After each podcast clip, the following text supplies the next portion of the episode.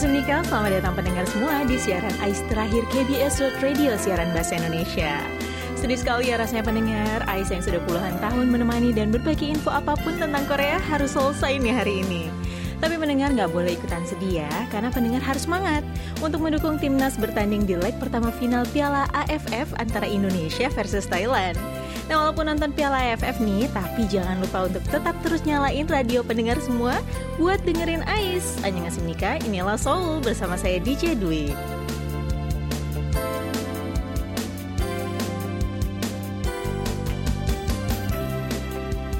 Saya tahu nih, pendengar semua pasti lagi bingung kan sekarang mau nonton timnas atau dengerin siaran Ais terakhir nih. Nah, gimana kalau misalnya pendengar nontonnya itu sambil dengerin Ais saja?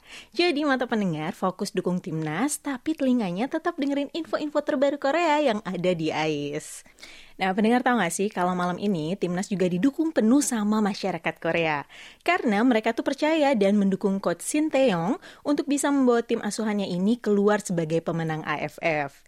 Nah, by the way nih ya, sedih sekali ya pendengar ya, siaran AIS yang udah mengudara selama 40 tahun lebih nih, harus selesai di penghujung tahun 2021 ini. Padahal nih, cuma di AIS aja ya, pendengar di Indonesia bisa tahu informasi-informasi terupdate dari Korea yang isinya nggak cuma tentang K-pop aja, tapi juga ada tentang budaya, politik, seni, kuliner. Nah, pokoknya semua tentang Korea ya pastinya. Nah, walaupun ini adalah siaran Ais yang terakhir, tapi saya bakalan tetap ngasih ke pendengar semua info-info pilihan yang menarik nih pastinya. Nah, kalau gitu langsung aja ya, kita mulai info pertama Ais hari ini, yaitu tentang buku novel fantasi yang paling banyak dibaca di perpustakaan Korea.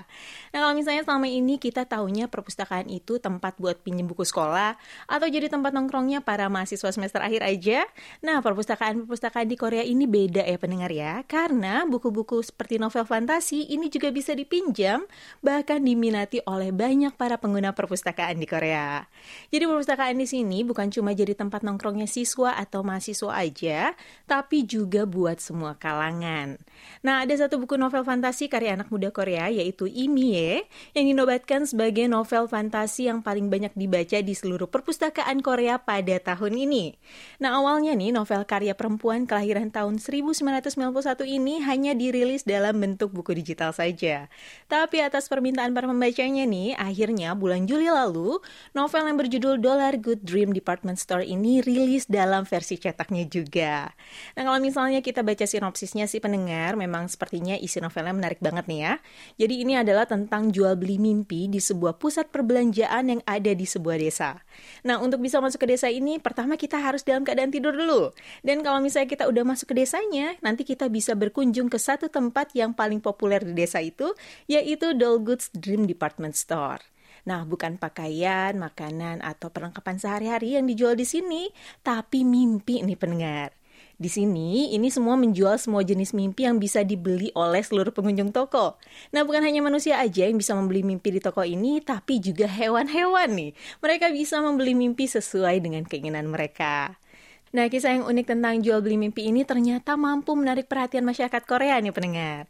Jadi Perpustakaan Nasional Korea pada hari Selasa lalu ini telah mengumumkan hasil analisa mereka dari lebih dari seribu perpustakaan yang ada di seluruh penjuru Korea dengan hasil novel fantasi Dollar Good Dream Department Store ini jadi buku yang paling banyak dipinjam di tiap bulannya pada tahun ini sejak bulan Mei lalu. Sementara buku sequelnya nih ini duduk di peringkat keempat nih pendengar.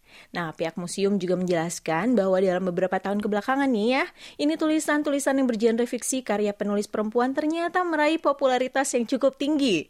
Jadi dari 50 buku yang paling banyak dipinjam dari perpustakaan Korea pada tahun ini, ternyata 43 di antaranya itu ditulis oleh penulis perempuan.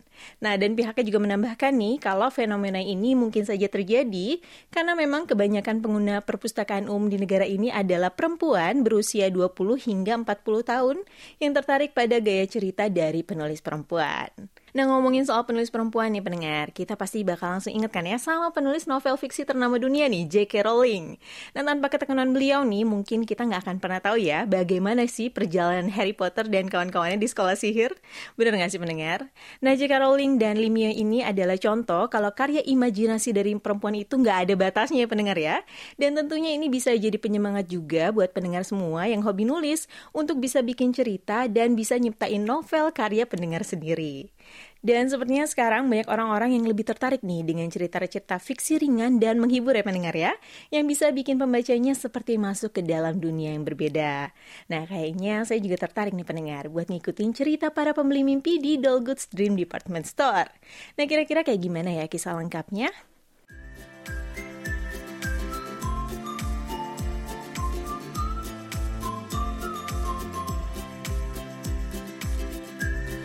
Dua hari lagi menuju tahun 2022. Nah, pendengar pasti semangat kan ya menyambut tahun baru yang penuh harapan? Harapannya tentu saja pendengar ya, pandemi bisa segera berakhir dan semoga nih semuanya bisa kembali berjalan normal kembali. Dan semoga mimpi-mimpi kita yang sempat tertunda di tahun ini bisa kita raih di tahun depan. Nah, mumpung tahun belum berganti nih pendengar, kita coba ingat-ingat lagi ya, apa saja sih yang terjadi sepanjang tahun 2021 ini? Mulai dari semuanya yang jadi serba online nih, biar sekolah online, lalu ada kerja online gitu kan ya. Tapi kalau ini sih udah sebenarnya dari tahun lalu juga udah mulai ya pendengar ya. Nah ternyata kehidupan pandemi di tahun 2020 dan 2021 itu nggak jauh berbeda ya pendengar ya. Ternyata masih seputar kehidupan online. Nah saya sendiri sering berpikir nih pendengar, sebenarnya kita agak berguntung juga ya. Karena kita menghadapi pandemi ini di saat dunia sudah canggih, sudah serba digital gitu. Nah bayangin aja kalau misalnya pandemi ini terjadinya 20 atau 30 tahun yang lalu. Saat perkembangan dunia digital ini belum sepesat sekarang. Wah, mati gaya nggak sih pendengar? Kerja nggak bisa, sekolah nggak bisa, dan nggak bisa dapat hiburan juga. Nggak kebayang deh ya, gimana coba rasanya. Namun berkat perkembangan teknologi yang pesat nih, seenggaknya nih ya, sekarang kita masih bisa produktif di rumah di saat pandemi seperti sekarang ini. Bahkan kita bisa tetap terhibur walaupun nggak bisa ke mana-mana. Nah, kayak di Korea nih pendengar, selama pandemi tentu saja ya hiburan online ini jadi andalan masyarakat di sini. Sama mungkin ya seperti pendengar semua di rumah.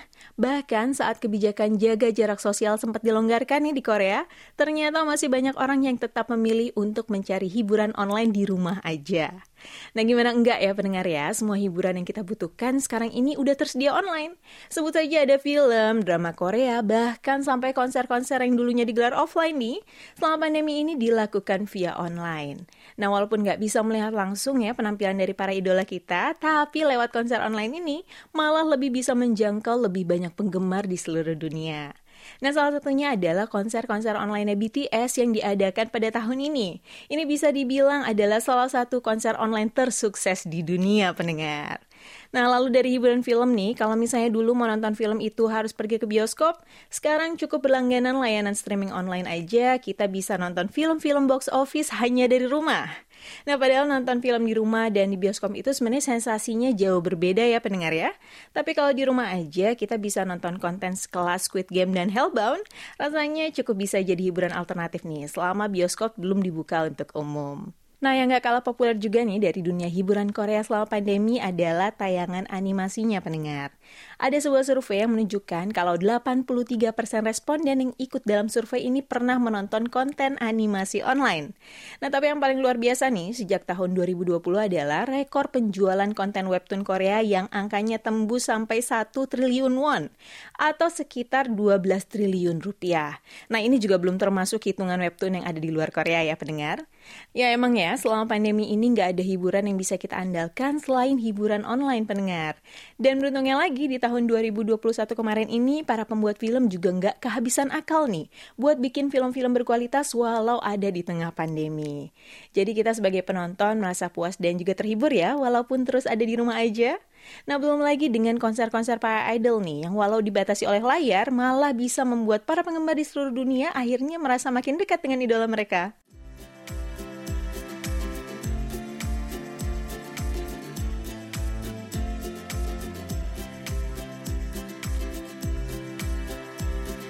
Nah, pendengar udah tau belum nih, kalau udah 2-3 hari belakangan ini, Korea itu lagi menghadapi gelombang dingin. Nah, kalau misalnya gelombang dingin itu udah datang, suhu udara bisa sampai minus 15 derajat Celcius. Bahkan nih kemarin, walau suhunya minus 15 derajat Celcius, tapi terasa sampai minus 21 derajat Celcius. Nah, apalagi ditambah dengan angin yang kenceng banget, beneran deh, dinginnya tuh bikin gak kuat lama-lama untuk di luar. Nah, kalau lagi dingin-dingin gini, biasanya yang ada di pikiran saya itu adalah makan makanan yang hangat khas musim dingin. Ini salah satunya adalah makanan yang satu ini pendengar, bunggopang namanya. Yaitu kue berbentuk ikan yang punya isian macam-macam, bisa kacang merah, krim, ataupun coklat. Nah, kenapa saya bilang bungopang ini adalah makanan khas musim dingin? Karena emang bungopang ini biasanya baru banyak dijual di musim dingin aja pendengar. Selain musim dingin, jarang banget nih kita bisa ketemu sama penjual bungopang ini. Nah, tapi sekarang saya bukan mau ngomongin soal bungopangnya ya pendengar ya, melainkan tentang sosok penjual bungopang yang sangat dermawan nih. Ia adalah Kim Namsu, seorang kakek penjual bungopang yang berasal dari Provinsi Jola Utara. Nah, tiap harinya nih kakek Kim selalu menyisihkan hasil dagangannya sebesar 10 ribu won untuk ia tabung. Dan uang-uang yang ia tabung ini bukan untuk dirinya sendiri, tapi untuk ia sumbangkan kepada yang membutuhkan. Nah, kabarnya kakek Kim ini telah mengumpulkan uang 10 ribu won setiap harinya 10 tahun ke belakang, yang hasilnya nih selalu ia berikan melalui Balai Kota Iksan untuk disumbangkan. Nah, dalam waktu satu tahun terakhir ini saja, kakek Kim berhasil mengumpulkan uang sampai 3,65 juta won berkat ketekunannya menabung bahkan di saat dagangannya sepi pengunjung. Nah, nantinya sumbangan ini akan diberikan pada keluarga yang membutuhkan melalui yayasan amal yang ditunjuk olehnya. Dan kakek Kim juga telah berjualan mengopang ini sejak krisis ekonomi terjadi di tahun 97-98 lalu. Dan saat itu bisnis sang kakek ini bangkrut dan ia mengaku merasa sangat kesulitan saat itu. Sampai akhirnya ia terpikir untuk berjualan mengopang. Dan ia pun rela nih ya harus menggigil kedinginan selama berjualan di pinggir jalan selama musim dingin. Ia melakukan itu asalkan ia bisa bertahan hidup. Menurutnya nih, itu nggak apa-apa dibandingkan dengan kesulitan mencari nafkah. Nah ia dan juga toko kecilnya yang ada di seberang sebuah kampus ini telah membantu banyak orang selama 10 tahun terakhir ini. Kakek Kim juga mengikuti jejak ibunya yang mengirimkan kue bungopang ke pusat-pusat kesejahteraan sosial yang berada di daerahnya. Wali kota setempat juga menyatakan terima kasih yang sebesar-besarnya nih untuk kakek Kim yang walaupun penghasilannya tidak sebanyak dulu ya sebelum pandemi, tetapi ia tetap meneruskan kebiasaan baiknya untuk membantu sesama. Nah, hormat saya nih buat kakek Kim yang sudah mengajarkan kita semua kalau beramal itu tidak mengenal status ya. Tidak peduli nih seberapa besar atau kecil penghasilan yang kita dapatkan, yang penting adalah niat dan keikhlasan pasti akan dibukakan jalannya. Nah, kita doakan saja ya, semoga kakek Kim ini sehat selalu, panjang umur, dan bisa menjalani kehidupan hari tua yang bahagia.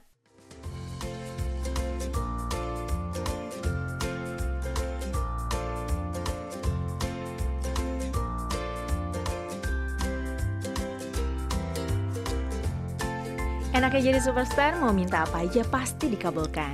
Apalagi kalau yang ngomong BTS ya pendengar ya, rasanya nggak rela gitu kalau sampai keinginan mereka nggak dikabulkan. Nah seperti keinginannya RM nih, sang leader BTS yang walaupun keinginannya sepele, tapi akhirnya bisa terkabul juga. Jadi RM ini kan pencinta mie instan Bibim nih pendengar. Nah pernah nih ya, di suatu acara live RM ini bilang pengen makan mie instan Bibim dengan porsi yang lebih banyak. Nah, buat yang belum tahu nih ya, mie Bibim itu adalah versi mie dari Bibimbap pendengar. Nah buat RM ini makan satu porsi mie instan cup ini rasanya kurang. Tapi kalau misalnya makan dua rasanya kebanyakan. Jadi dia berharap ada porsi yang ukurannya satu setengah dari mie instan favoritnya itu. Nah demi RM BTS dan tentunya demi mendongkrak penjualan juga ya pendengar, akhirnya perusahaan mie instan kesukaannya RM ini berencana untuk merilis produk mereka yang porsinya 1,2 kali lebih banyak dari sebelumnya. Jadi pihak perusahaan mengaku belum bisa membuat mie dengan ukuran satu setengah porsi karena adanya kendala alat dan juga fasilitas produksi. Nah keputusan perusahaan juga dipengaruhi oleh banyaknya opini konsumen yang ternyata nih berpikir sama dengan RM. Semoga saja ya tetap bisa bikin RM lebih puas makan mie bibimnya ya pendengar ya. Nah kabarnya juga mie instan ini akan dirilis akhir Februari atau pada awal tahun depan.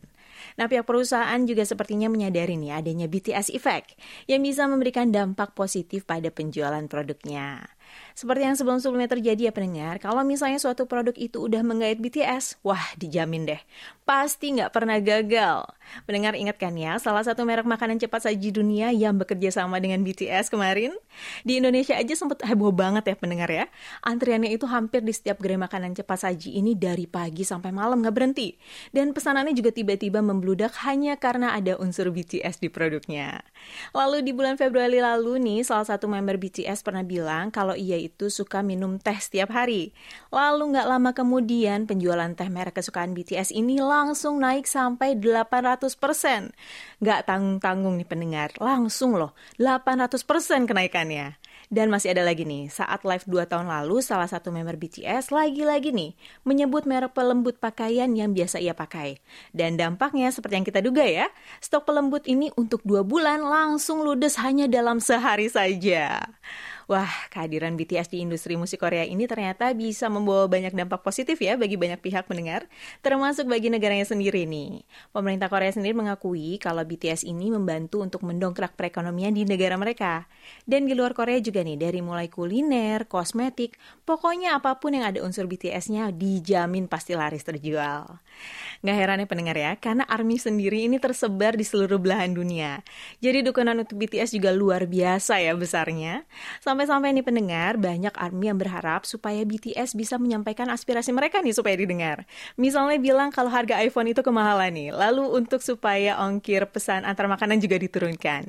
Dan masih banyak lagi nih lainnya. Wah, ada-ada aja ya pendengar ya. Nah, kalau misalnya pendengar sendiri gimana nih? Kalau misalnya BTS bisa menyampaikan aspirasi atau keinginan pendengar semua, kira-kira aspirasi apa sih yang pengen pendengar sampaikan lewat BTS supaya bisa terkabul?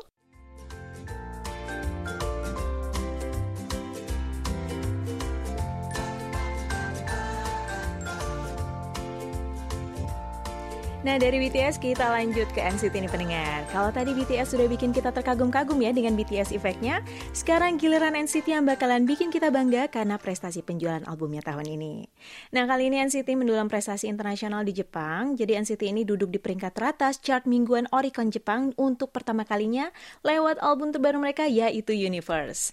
Nah menurut Oricon nih tanggal 28 lalu Universe ini berhasil menanjak duduk di posisi satu untuk chart mingguan Pada tanggal 20 hingga 20 26 Desember lalu.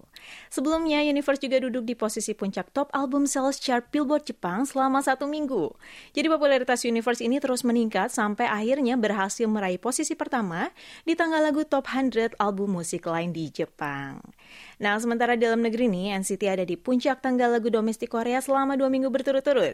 Menempati peringkat pertama tanggal lagu iTunes Top Albums di 30 wilayah di dunia, dan posisi pertama di chart penjualan album dan video musik di China kategori Korea. Nah, menurut pihak agensi SM Entertainment, total penjualan 5 album NCT yang rilis di tahun ini ini mencapai lebih dari 10 juta kopi. Nah, penjualan ini juga termasuk album-album dari subunit NCT yang kalau di total nih bisa mendekati 11 juta kopi pendengar. Dari subunit NCT 127 ini menyumbang 3,62 juta kopi untuk album stiker dan favorit. Sementara NCT Dream lewat Hot Sauce dan Hello Future ini menyumbang sekitar 3,31 juta kopi. Nah, ini membuktikan ya pendengar walau NCT ini punya 23 member dan terbagi jadi 4 subunit, yaitu ada NCT U, NCT Dream, NCT 127 dan Wavy, tapi semuanya ini tetap dicintai sama NCTzens. Karena memang masing-masing grup ini punya keunikan dan harismanya masing-masing ya, jadi bikin mereka tetap bersinar walaupun terbagi-bagi nih kelompoknya. Nah, sekarang tinggal kita tunggu aja nih Kira-kira di tahun 2022 nanti ada kejutan apa lagi ya dari NCT?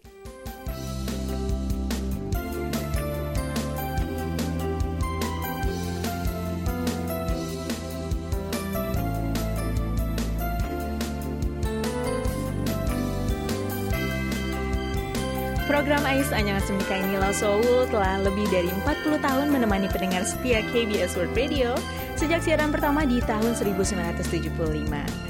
Selama ini Ai selalu menghadirkan info-info terhangat dari Korea yang bisa menghibur sekaligus menginspirasi pendengar semua. Nah kini saatnya kami, tim penulis, DJ, dan produser KBS World Radio mengucapkan terima kasih atas kesetiaan pendengar selama ini untuk AIS. Tapi pendengar jangan khawatir karena KBS World Radio telah menyiapkan program baru dan menarik lainnya yang akan menyapa pendengar semua di tahun 2022 nanti. Saya DJ Dwi dan tim undur diri, selamat tahun baru 2022.